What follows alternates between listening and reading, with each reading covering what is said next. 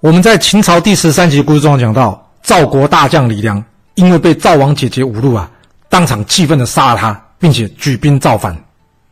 有没有觉得很可惜？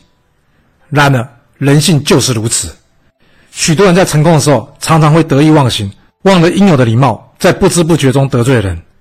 虽然结果不见得会像赵王姐姐或像赵王这样，然而无端为自己增加风险，你觉得这么做值得吗？历史刻画着人性，了解历史，或许我们就能用不同的观点去判断事情。您说是吧？想了解完整版的故事内容，欢迎到我的爱故事频道去看哦。